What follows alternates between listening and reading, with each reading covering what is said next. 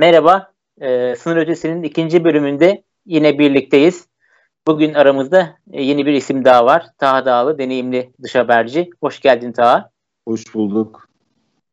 Bora Bayraktar da yine bizimle hem dış haberci hem de akademisyen kimliğiyle e, bize katkıda bulunacak. Hoş geldin Bora. Merhabalar.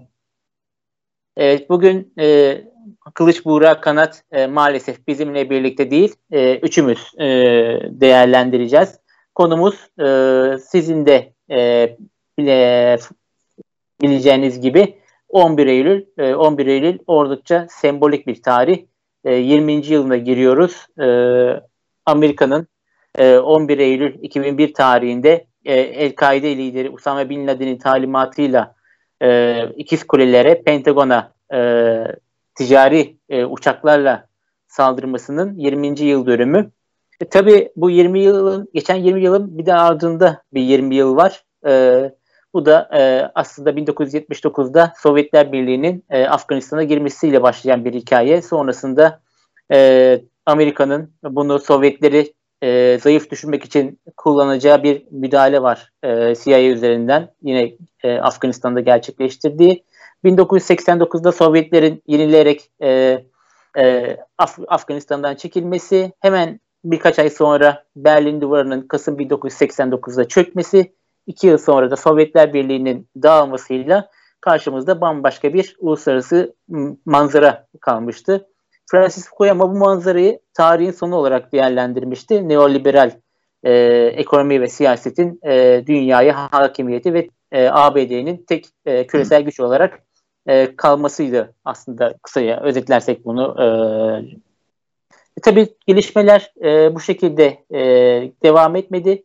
E, 11 Eylül 2001'de az önce de belirttiğim gibi e, Amerika'nın kalbine yapılan saldırılarla e, bir anda manzara değişti. E, o dönem yönetimde olan George W. Bush yönetimi e, küresel terörle mücadele ile savaşı ilan etti ve e, ardı ardına yaşanan gelişmelerle biz şu an e, ABD hegemonyasının sonuna mı geldik sorusunu hep birlikte tartışıyoruz. Tabi burada çok da sembolik bir e, ve de aslında enteresan bir gelişme diyeceğimiz 20 yıl aradan sonra Taliban'ın Taliban'ın da e, Kabil'e dönüşünü görüyoruz. E, burada e, Taha senden başlayalım istersen. Bu geçen 20 seneyi ve aslında tarihin sonundan ziyade tarihin hızlandığı bir dönemden de geçiyoruz.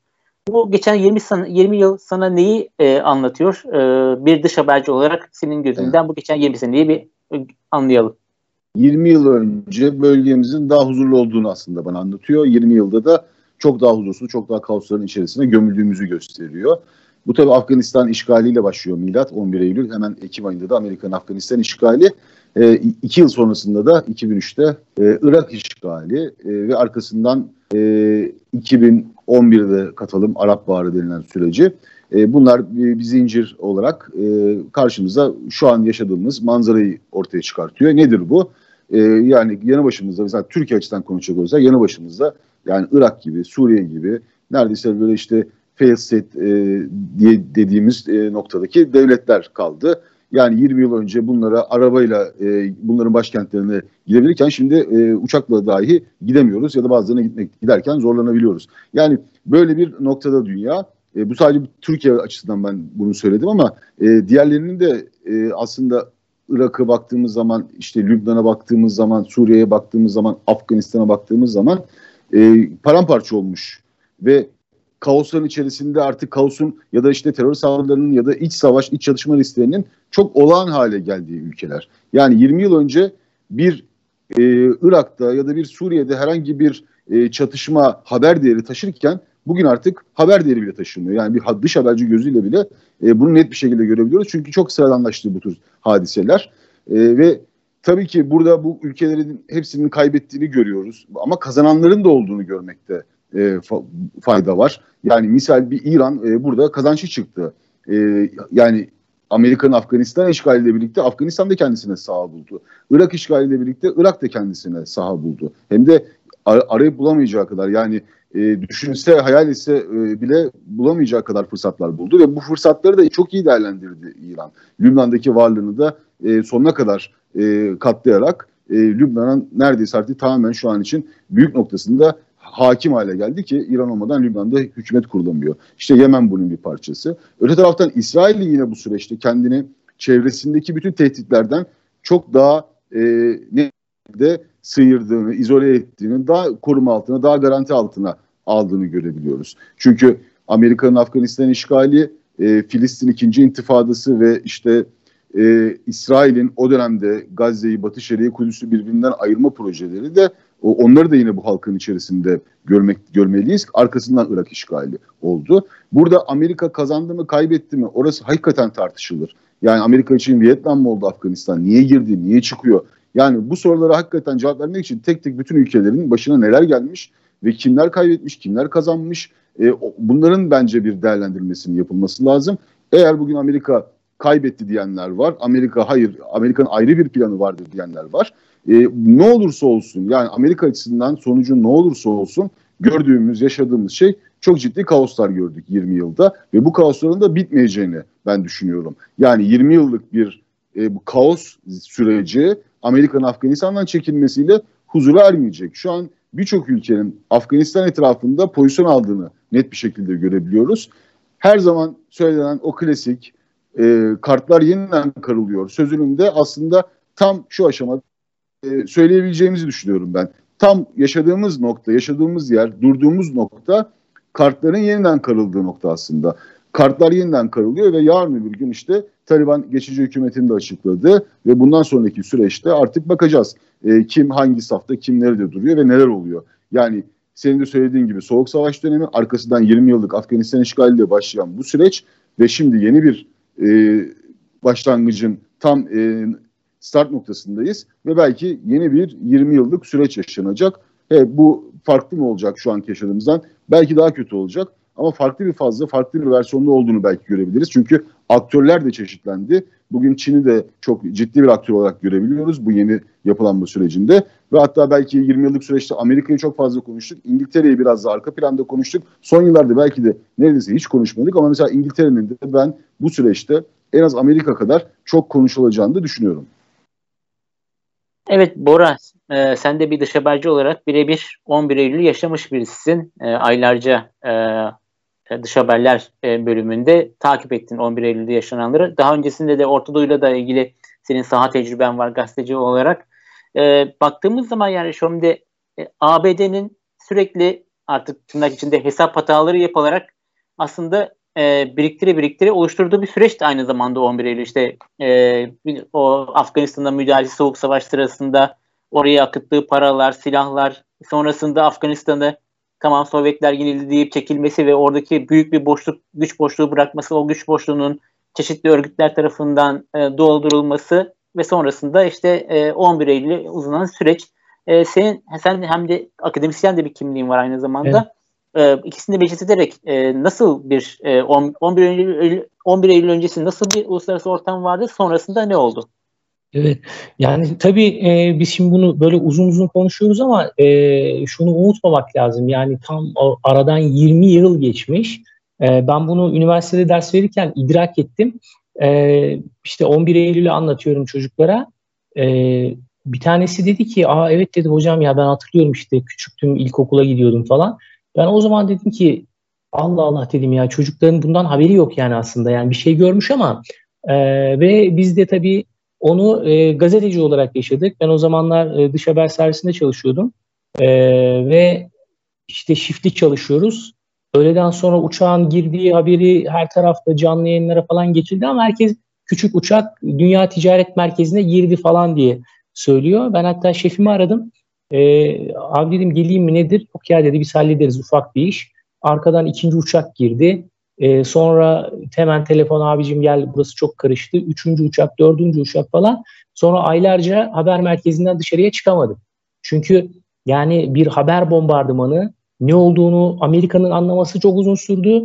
E, yani tabii uçaklar girdi ama nereden çıktı, kim yaptı, nasıl oldu, nasıl bir istihbarat zaafı vardı. Burada e, dinleyen genç arkadaşlar için yani belki hiç haberleri bile yok. Şunu söyleyelim. Dört tane yolcu uçağı kaçırıldı.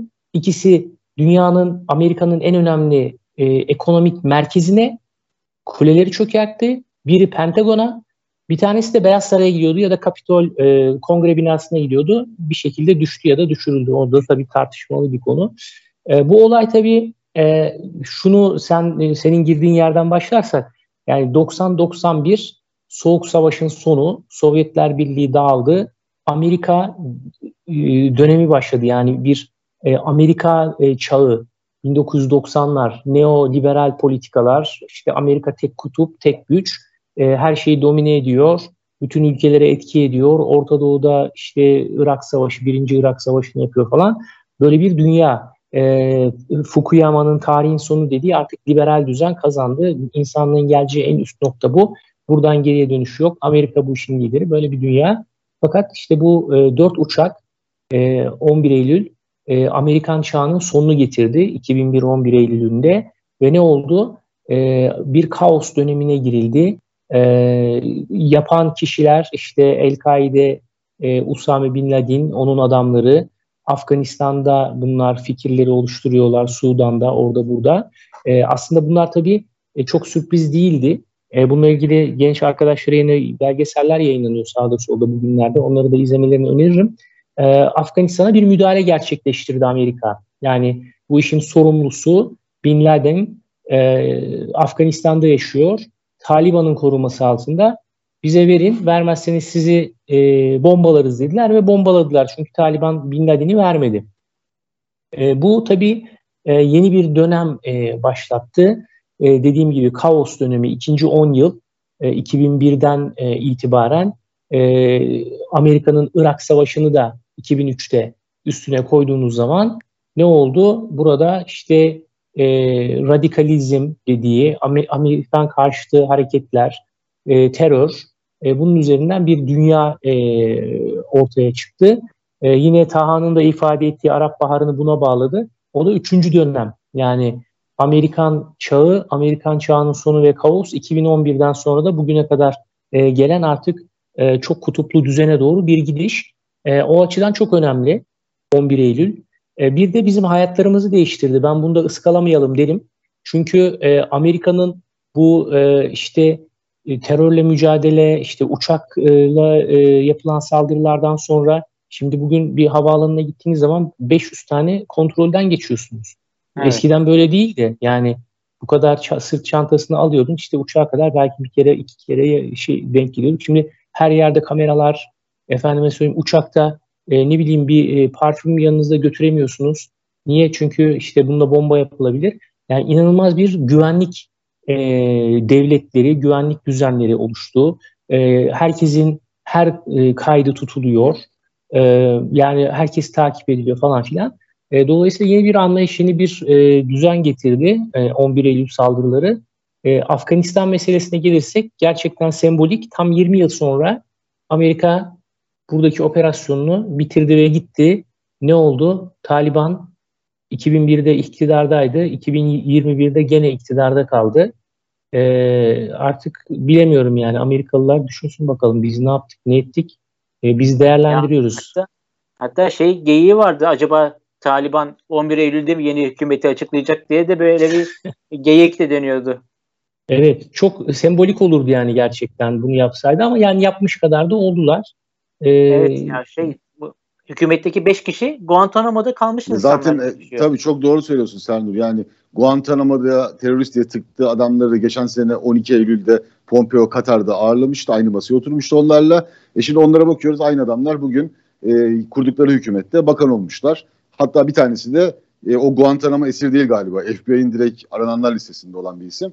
E, Siracettin Hakkani. O da e, İçişleri Bakanı koltuğuna oturdu. Yani o zaman sormak lazım yani Amerika bu Guantanamo yani şey mesela e, Bora Bey güvenlik devletlerinden bahsetti. O normal sıradan insanların hayatını etkileyen şeyler. Ama mesela Amerika bu iş o kadar çok abartmıştı ki yani Bagram Havalimanı, hava üssünün de bir cezaevi.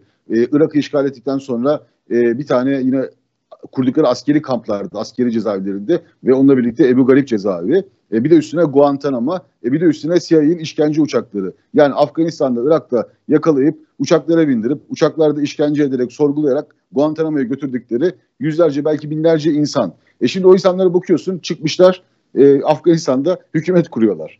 E, daha fazlası da var yani. Bu insanlar hepsi de Afganistan, hani hepsi Guantanamo'da bunlar tutulup da şimdi gelip de e, hükümetlerde bakan olmadılar. Mesela bazıları da var ki öyle Amerika e, bu dört tane esir, e, Guantanamo esiri bugün hükümette olan, Taliban hükümetinde olan, bakan olan dört esir e, daha önce Obama'nın bir Amerikan askeri, kaçırılan bir Amerikan askerine e, karşılık verdiği 2014'te serbest bıraktığı isimler. E, bir de şu, şu da aklıma geliyor benim.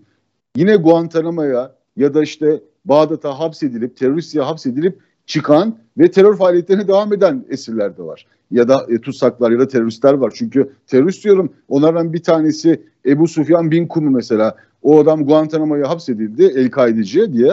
Arkasından çıktı. Bingazi'de 2012'de 11 Eylül onda tarihi Bingazi'deki Amerikan e, konsolosluğunda Amerikan Büyükelçisini öldürdü. Ya da işte Ebu Bekir Bağdadi o da Bağdat'ta e, hapsedildi ve çıktı. Çıktıktan sonra da DAEŞ örgütünü kurdu. Yani hakikaten o Amerika'nın o güvenlik e, devleti mekanizmalarını oluştururken de e, ne hangi ölçüleri, hangi değerleri yaptı, hangi değerlendirmelere göre bu insanları aldı, tıktı ve serbest bıraktı. Bu da hakikaten bence araştırmaya değer bir mesele.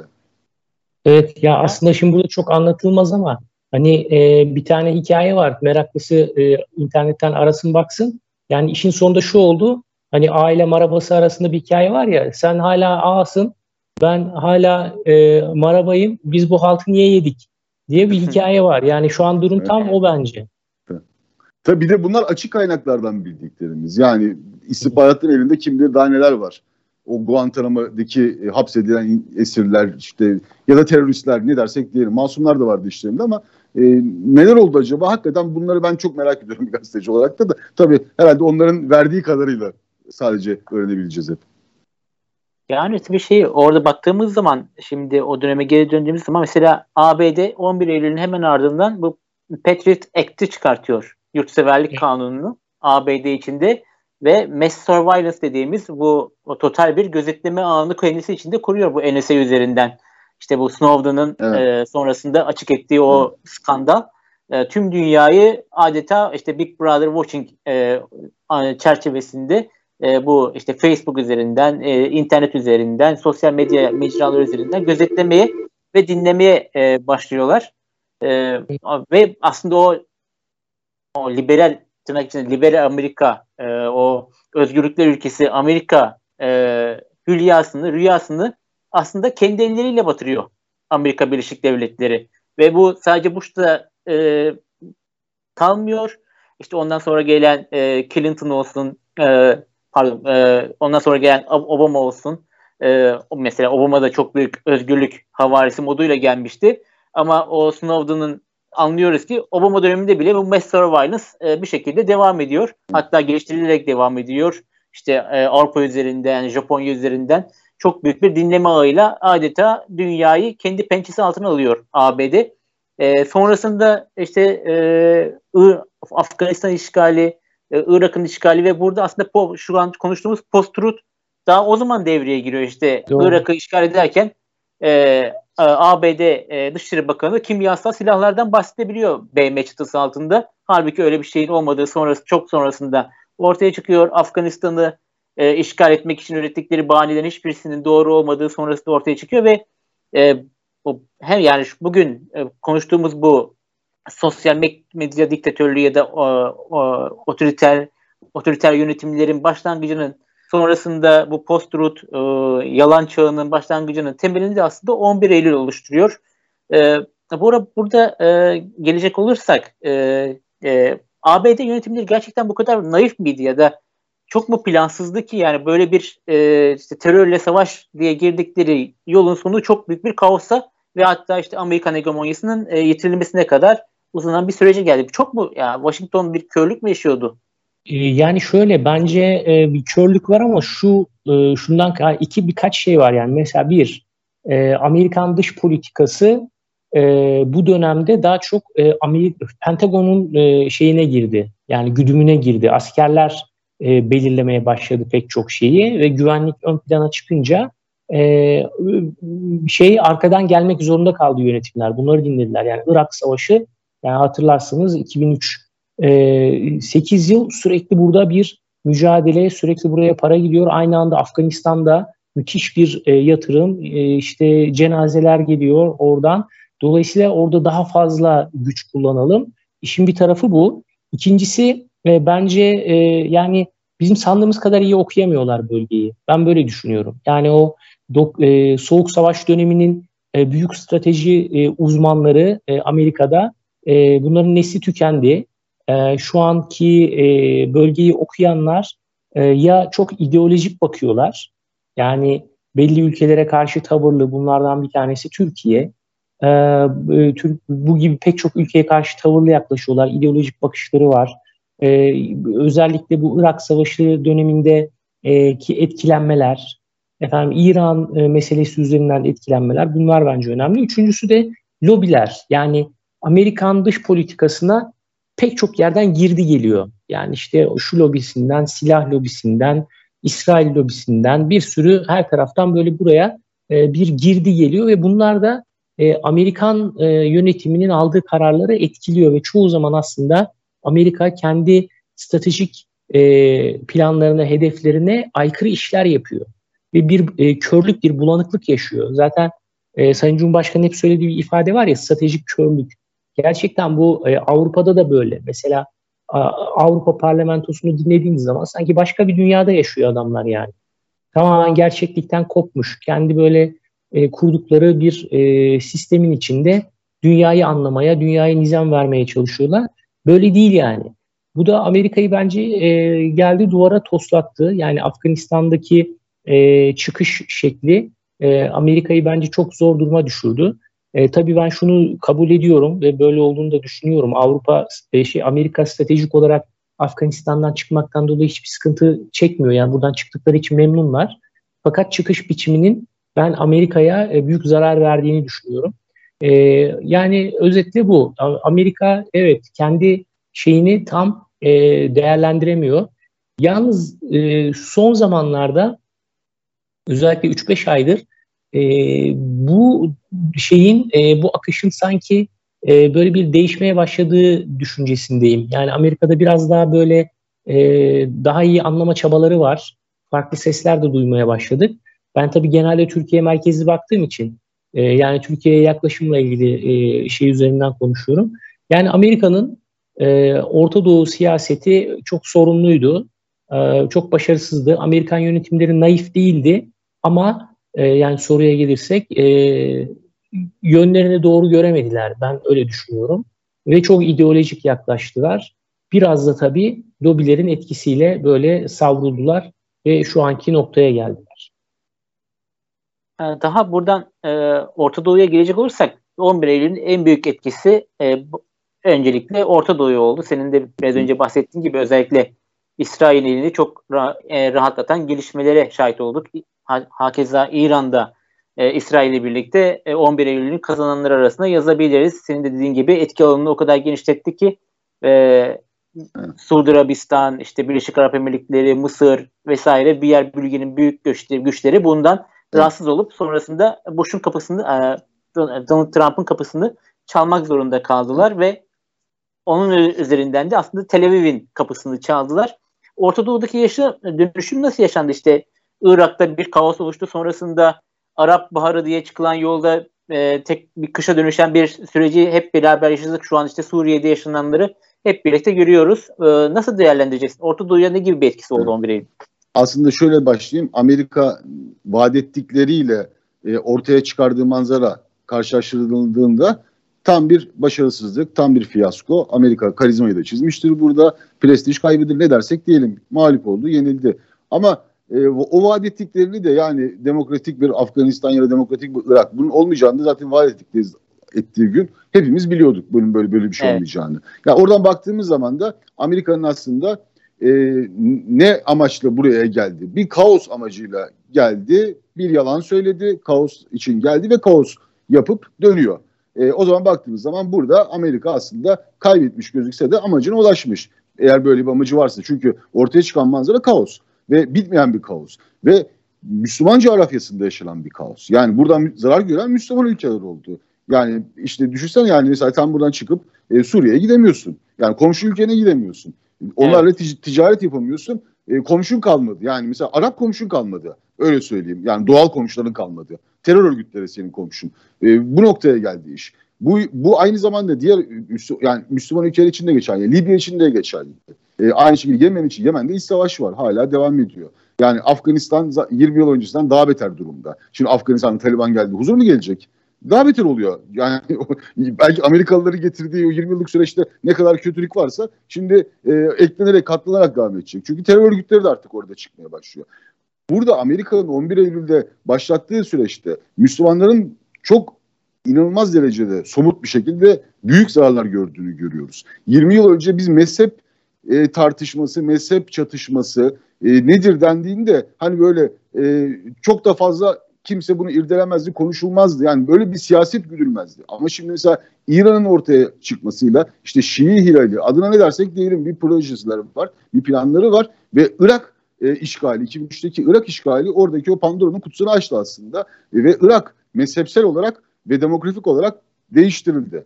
E, buradan da kazanan İran oldu. İran kazansın eyvallah ama İran kazanırken de bir taraftan da yayılmacı politikalarıyla o Şii-Sünni ayrışmasını sonuna kadar körükleyen işler yaptı. Ve netice itibariyle söylediğimiz gibi olan e, Müslümanlar oldu. Ve iki tane de e, sözde e, İslamiyet'i kullanan, e, sözde e, Müslüman olan iki tane de bir dev gibi bir küresel, uluslararası çapta terör örgütü ortaya çıkardı bu mesele. 11 Eylül meselesi. Yani El-Kaide tamam vardı o zaman ama biz El-Kaide'yi çok daha e, büyük bir bela şeklinde gördük. El-Kaide'nin içinden, şey içinden yani. tabii El-Kaide'nin içerisinden bir de DAEŞ diye daha acımasız, daha berbat olan bir terör örgütü daha çıktı. Öte taraftan bakınca da işte şimdi DAEŞ'in kollarını görüyoruz. Yani Mozambik'te de var, Afganistan'da da var DAEŞ'in kolları. E, Avrupa'da da bunlar saldırı düzenleyebiliyor ya da Yeni Zelanda'da. Geçen hafta da gittiler Yeni Zelanda'da bir markette e, yine bir DAEŞ'li yapmış. Evet. Yani buradan baktığımız zaman e, bu işin faturası öyle ya da böyle Müslümanlara çıktı. Amerika kaybetti. Çünkü e, söyledikleriyle yaptıkları arasında dağlar kadar fark olduğu için kaybetti, çekti gitti, kaçtı ama olan maalesef e, bu coğrafyanın insanların oldu. Bu coğrafyaların ülkelerine, devletlerine, gençlerine oldu. Yani kaç milyon insan bundan olumsuz şekilde etkilendi. Yüz binlercesi işte neredeyse hayatını kaybetti bu süreçte. Ve dediğim gibi dahası e, demografik yapılar değişti. Bazılarında sınırlar değişti. E, öte taraftan öyle ya da böyle Saddam dediğimiz adam diktatördü o vardı. Libya'da işte Kaddafi diktatördü o vardı. Ama şimdi artık e, çok daha kötü durumdalar. Yani e, Libya'nın hali ortada işte bak görüyoruz yani bir seçim yapılsın işte Aralık ayında diye e, bir sürü yerden birileri çıkıyor ve orada da bir tane evet. darbeci bir tehdit var. Darbeci Hafter denilen bir tehdit var. Yani Irak'ta ne olacağını da hiç kimse kestiremiyor. Irak'ta da seçim yapılacak ama seçim olsa da daha önce de yapılan seçimler gördük. Yani netice itibariyle hakikaten bu coğrafyanın insanlarında, bu coğrafyanın ülkelerinde olan oldu. Taha e, ben Irak'a gitmiştim 2004 müydü 2005 miydi tam hatırlamıyorum şimdi. E, birisiyle konuşuyordum dedim ki ya Saddam gitti hani nasıl durum falan. Dedi ki eskiden dedi bir tane Saddam vardı dedi. Şimdi de herkes Saddam Hüseyin oldu. evet, evet, evet. Ya hakikaten bu çok e, bu örnek yani sadece bu örnek aslında hani 11 Eylül'den başlatıyoruz ya o miladı. E, neler olduğunu aslında tek başına anlatmaya yeter bana göre. Çünkü bu bunun Libya için de aynı şey geçerli. İşte Mısır için de geçerli. Ya da işte yani Müslüm ve Aleyki devirelim diye e, Mısır'da devrim yapıldı ama çok daha kötüsü geldi mesela. Yani hep böyle oldu. Hep böyle oldu maalesef. Yani netice itibariyle e, bu 11 Eylül meselesini herhalde artık biraz daha e, kenara içecek olursak ben aslında şöyle bir konu dikkatime çekti bugün. Ne kadar doğru bilmiyorum ama e, bu Afganistan'la ilgili BBC Farsça e, geçtiğimiz günlerde Pensir'deki o direniş hareketinin sözcüsü Fehim Daşti ile bir canlı yayın yapıyor ve canlı yayında adamın telefon numarası verilmiş. Bilmiyorum gördünüz mü dikkatinizi çekti mi? Böyle bir hadise yaşandığı e, söylüyor. Videosu da var. Videosu da var. Yani BBC Farsça'da Skype üzerinden canlı yayına bağlanıyor e, Pensir'deki e, direniş hareketinin sözcüsü Fehim Daş'tı. Ve yayındayken e, adamın cep telefonu numarası ekrana veriliyor. Yani bazen oluyor ya biz de yapıyoruz bazen işte Skype'dan evet. yayın yaparken farklı bir görüntü ortaya çıkıyor ya da bir emoji ortaya çıkıyor veriyor. Orada da herhalde belki birisi yanlış bir tuşa bastı. Adamın cep telefonu yayınlandı. Ve sonrasında bu adam Pensir'deki o Taliban kuşatmasında e, birkaç gün sonrasında öldürüldüğü öne sürüldü. Şu anda herhalde ölü diye biliniyor e, Fehim Daş'tı. Daha da ortaya çıkmadı. Yani mesela böyle bir e, hadise e, benim çok dikkatimi çekti. Afganistan'ın şu an için sıcak e, güncel gelişmelerini de birazcık değerlendirecek olursak geçici hükümet kuruldu. Pensir'de bir direniş var. E, Taliban zaferi ilan etti. Pensir'deki hareketler hala durum daha bitmedi noktasındalar. E, ve o Pensir'de de işte böyle bir hadise olmuş yani o BBC yayınına katılan sözcü e, telefon numarası ekrana verilmiş sonrasında işte öldürülmüş falan diye bununla ilgili bir şeyler duydum ama bilmiyorum ya konuşmaya orada, değer mi? E, ABD Genelkurmay Başkanı Mark Milley'nin açıklaması çok ilginçti. E, iç savaş tehlikesi var diye Afganistan'da evet. artık bir e, dilek miydi, e, istihbarata dayalı bir şey miydi ama Amerikalılar sanki orada tamam bırakıp gittik biz buraya ama burası da böyle bu kadar çok rahat olmasın, düzene girmesin, e, yok, bir yok. kaos e, devam etsin Şimdi, beklentisi. Tabii yani orada Amerika ben hep şunu söylüyorum yani katıldığım yayınlarda da söylüyorum bunu. Amerika askerini çekti ama Amerika angajmana devam edecek. Uzaktan yani işte füzelerle şununla bununla sürekli evet, ya da evet. içeride e, işte bu Şah Meslunoğlu üzerinden başka güçler üzerinden orada o kaosu devam ettirecek. Yani oradaki bana göre Amerika'nın temel stratejisi e, bu e, Çin'in tek yol tek kuşak projesinde önemli geçiş noktalarından biri Afganistan.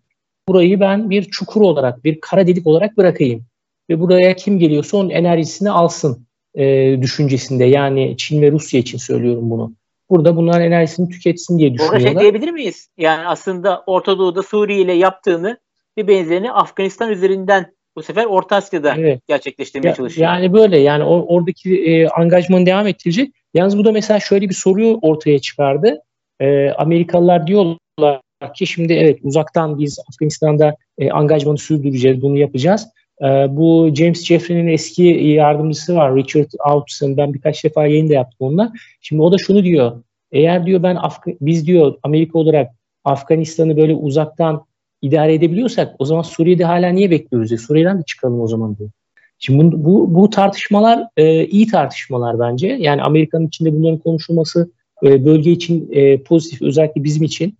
Yani Türkiye'nin bu Suriye e, meselesinin önemli sorunlarından bir tanesi Amerika. Yani burada Amerika'nın e, hamlesi bütün bölgeyi etkiliyor. Zaten e, en son bunu konuşacaktık. Ben sen sormadan istersen biraz oraya geçeyim. Yani evet. Amerika'nın çekilmesi, Amerika'nın Afganistan'dan çıkması bütün bölgedeki ülkelerin dış politikalarını ve yaklaşımlarını gözden geçirmeye zorladı.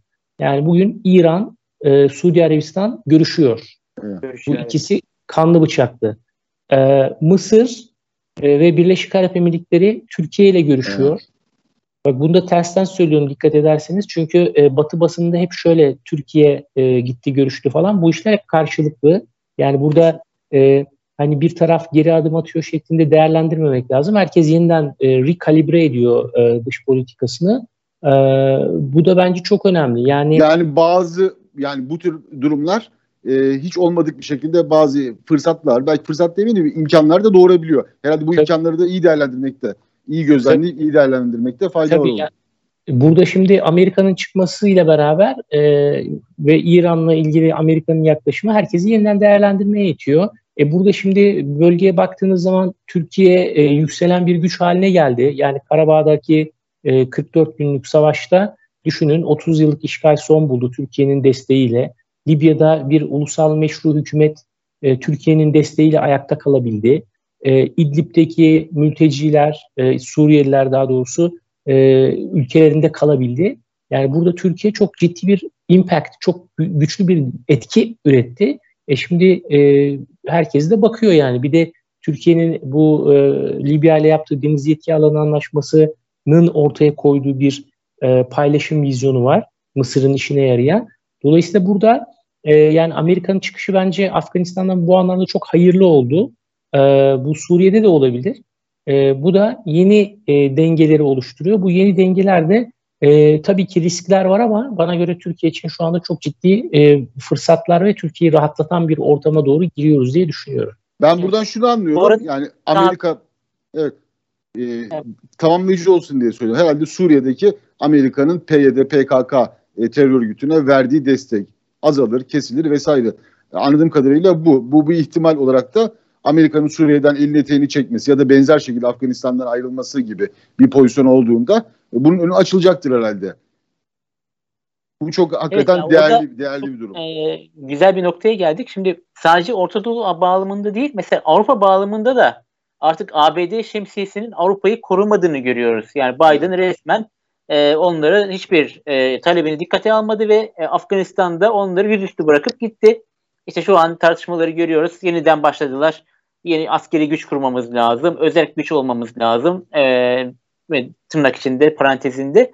Ve aslında bu Avrupa ülkeleri işte Fransa'sı olsun, Almanya'sı olsun e, ABD'nin güvenlik şemsiyesini kullanarak dünyanın çeşitli bölgelerinde çeşitli operasyonlara imza atıyorlardı. En son işte e, Suriye'de gördük bunu. Fransız Lafarge'ın e, DAEŞ'e verdiği desteğin e, belgeleriyle ortaya çıktı. Fransız istihbaratının bu destekten e, tamamen bilgi sahibi oldu. Hatta bu desteği kendileri adına kullandıkları da ortaya çıktı. E, ne diyeceksin daha? Yani Avrupa artık biraz e, oyundan kopuyor mu? E, Ya senin geçen haftaki yazını da okudum Serdar. Hakikaten hani Avrupa Birliği'nin e, şu an içinde bulunduğu durum Amerika'nın da Afganistan'dan çekilmesiyle gitgide kötüye gidiyor. O gözle görülebilir bir gerçek. Fransa DAEŞ meselesine gelince Anadolu Ajansı'nı tebrik etmekte fayda var. Bora Bayraktar da hazır buradayken hakikaten çok önemli, çok büyük bir gazetecilik başarısı. E, günlerdir de hani o konuşuluyor Türkiye Türkiye'de evet. ve bizim medyamızda. Bu çok e, kesinlikle hani göz ardı edilemeyecek bir şey. Çünkü bir ülkenin istihbaratı, bir ülkenin dünyaca ünlü bir e, inşaat firması ya da çimento fabrikası ve bir de uluslararası bir terör örgütü. Bunun üçünün yan yana geldiğini görüyoruz. Üçü el sıkışıyorlar, aynı masada oturuyorlar. Yani terör örgütü diyor ki şirkete sen çalışman için bana haraç, haraç vermelisin diyor. O hay hay diyor. E, bunun e, Fransa istihbaratının e, organizasyon çerçevesinde yapıldığı da ortaya çıkıyor. Anadolu Ajansı da bu belgeleri e, ulaşarak, bu belgelere ulaşarak bu skandalı e, ortaya çıkıyor. Zaten bunun soruşturması da var. Ama tabii burada büyük soru işareti şu.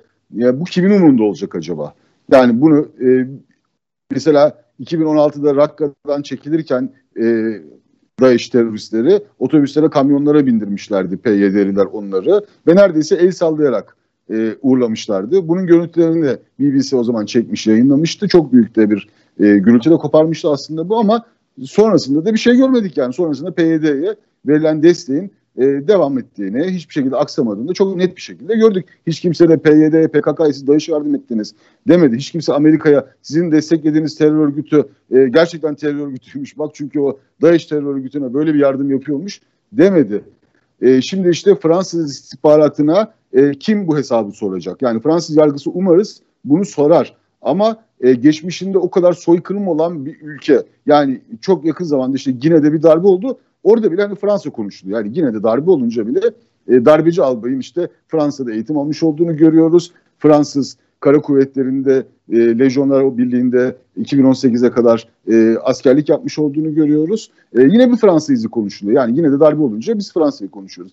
Böyle bir Fransa e, DAEŞ'le olan irtibatını, ilişkisini acaba bunun hesabını e, ne ölçüde verecek? E, ben açıkçası bunu merak ediyorum. Tabii ki e, bunun bu cevap hiç önemli değil. Burada önemli olan aslında yine dediğim gibi e, Anadolu Ajansı'nın burada yapmış olduğu gazetecilik başarısı ve gazetecilik başarısıyla birlikte bir de hani kayda alınmış bir değer. Yani bugün işte ben zannetmiyorum hani bu Avrupa gündemine gelmedi, gelmeyecek belki de. Fransızların da çok umurlarında olmayacak. Sümen altı edecekler belki de bu hadisi ama e, o gerçekler her zaman kayıt altında kalacak. Ve burada evet. işte Anadolu Ajansı'nın imzası var.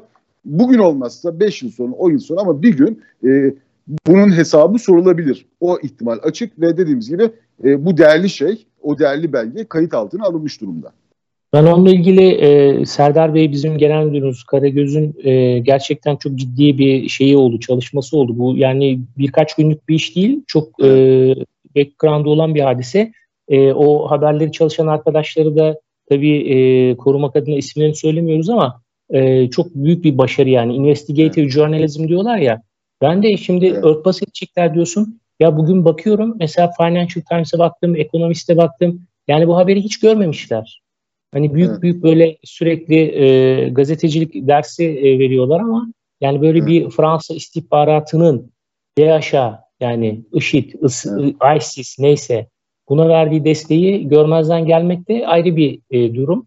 E, bu, bunu ya da, ona, ona gazeteci olarak da diyecek hiçbir şeyimiz yok yani gerçekten yani e, inanılır gibi değil. Yani bu mesela işte Kaşıkçı cinayetine Trump'ı yüklenen gazeteler mesela Biden geldikten sonra Muhammed Bin Salman'ı neredeyse akladı ve hepsi sustu. Yani bu bir, bir tane örnek sadece ya da bu işte Fransa Daesh örneği. Böyle bir şey haber olmuyor Avrupa medyasında, dünya medyasında ve bunun belgeleri de ortadayken. Yani Daesh'le ilgili her şeyi haber yapan gazeteler, televizyonlar bunlar. Daesh'le ilgili ne olursa olsun bu, ha, haber yaparlar ama bunu yapmamışlar. Çok enteresan. Gerçekten gazeteci olarak da bazı şeyleri izah etmekte hakikaten zorlanıyoruz. Anlatmakta zorlanıyoruz. Yani bulduğumuz bir haber zannediyoruz ki biz gerçekten bu dünyayı sallayacak bir haber. Evet gerçekten de öyle. Ama bakıyoruz e, kendimiz çalıp kendimiz oynamış gibi gözüküyoruz günün sonunda. Bu hakikaten e, hani bu işte düşünce özgürlüğü, ifade özgürlüğü, basın özgürlüğü noktalarında fecaat bir durum. Yani bunu Batı medeniyeti, Batı dünyası nasıl içine sindiriyor? Akıl sır erdirmek mümkün değil açıkçası. Fransız gazetelerinde hele hiç yok yani. Evet. Evet. Hiç yok. Yani kendi skandallarını işte sarı yelekler meseleleri de görmeyen medya aynı şekilde burada da e, konu DAEŞ'te olsa görmüyor. Yani e, aslında bu kadar basit. Kendilerine olunca böyle yapıyorlar bunlar. Yani AVM'de geçen pazar e, Paris'te bir AVM'de kadınları dövdü Fransız polisi. E, işte sebebi neyse işte aşı karşıtlığı vesaire dövdü sonuçta. Ama e, o bile kendi medyalarında haber olmadı. Sosyal medyadan e, budan haberdar olup işte haberleştirebiliyoruz. Bu şekilde evet. maalesef böyle.